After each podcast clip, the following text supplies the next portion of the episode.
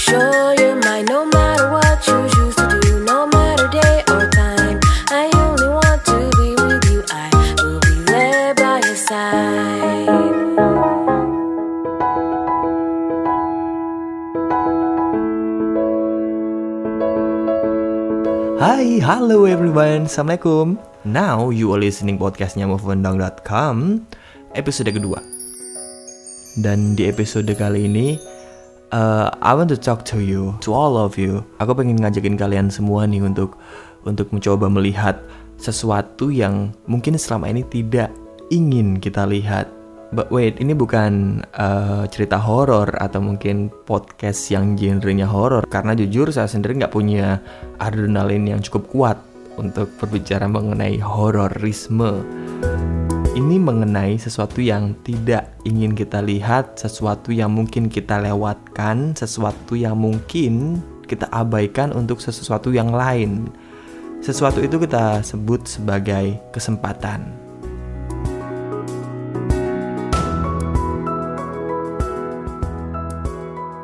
Siapa sih dalam hidupnya nggak pernah melewatkan kesempatan? Aku rasa semua orang pernah melewatkan kesempatan atau uh, kita mengabaikan kesempatan yang ada di hadapan mata kita. Kenapa harus kesempatan yang dibahas kali ini? Karena uh, ini cukup unik. Dalam satu minggu terakhir ini saya bertemu dengan beberapa orang yang mengeluhkan cerita kehidupan mereka yang memang beda-beda. Tapi kalau aku ambil garis besarnya atau ambil benang merahnya, mereka kehilangan kesempatan.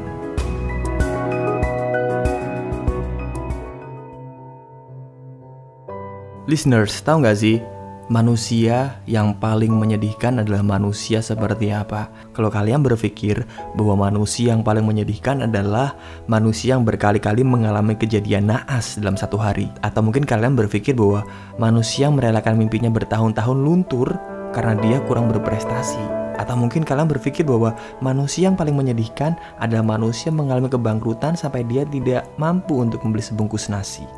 The answer is no.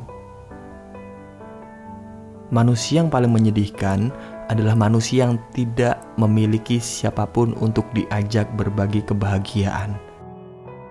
Secara harfiah, manusia bisa mengatasi rasa sedihnya sendiri manusia memiliki self-defense, manusia memiliki sistem pertahanan yang sangat kuat untuk mengatasi permasalahan dalam dirinya sendiri. Tapi, manusia akan sangat kesusahan atau sangat bersedih di saat dia tidak memiliki orang lain, di saat dia mengalami atau merasakan sebuah kebahagiaan. Ya, manusia yang paling menyedihkan adalah manusia yang tidak memiliki siapa pun untuk diajak berbagi kebahagiaan. Sebenarnya, dia bisa saja memiliki orang lain dalam hidupnya, tapi di masa lalu dia memutuskan untuk tidak melihat pada saat dia dipertemukan oleh orang lain. Hidupnya hanya sebatas mengejar gelar akademisi, hari-harinya terlalu banyak tercurah untuk sebuah posisi yang bergengsi.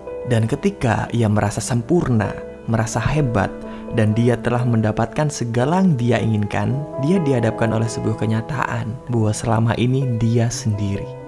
Tidak ada orang yang menemani hidupnya. Semuanya, segala yang dia capai menjadi tidak berarti. Semua tidak bisa menjamin kebahagiaan dan akhirnya dia hanya bisa membaginya untuk dirinya sendiri.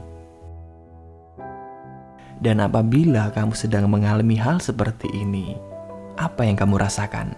Mungkin saat ini kamu sedang larut dalam keterpurukan, berada dalam sebuah kesendirian dan kesepian yang terus kamu lalui hari demi hari kamu nggak punya siapa-siapa. Kamu tidak memiliki siapa pun.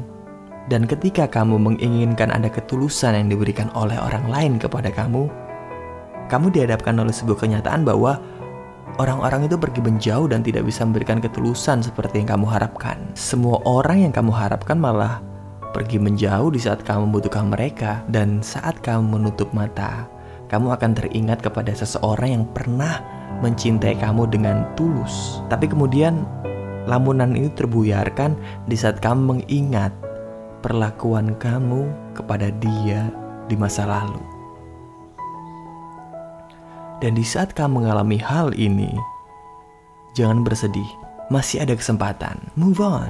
Kamu hanya perlu membuka mata hati sedikit saja. Ingat kembali bahwa terkadang kesempatan besar itu ada di hadapan kita dan tapi kenapa kita tidak bisa meraihnya. Sebenarnya penyebabnya cukup sederhana, karena kita memilih untuk tidak melihat. Kupikir kita harus terbuka untuk menjelajahi hal-hal baru, teman baru, sahabat baru, saudara baru, bahkan pasangan baru. Dan apa yang terjadi hari ini adalah imbas dari apa yang sudah kita lakukan di masa lalu. Sekali lagi masih ada kesempatan untuk merubah masa depan dengan memperbaiki hari ini.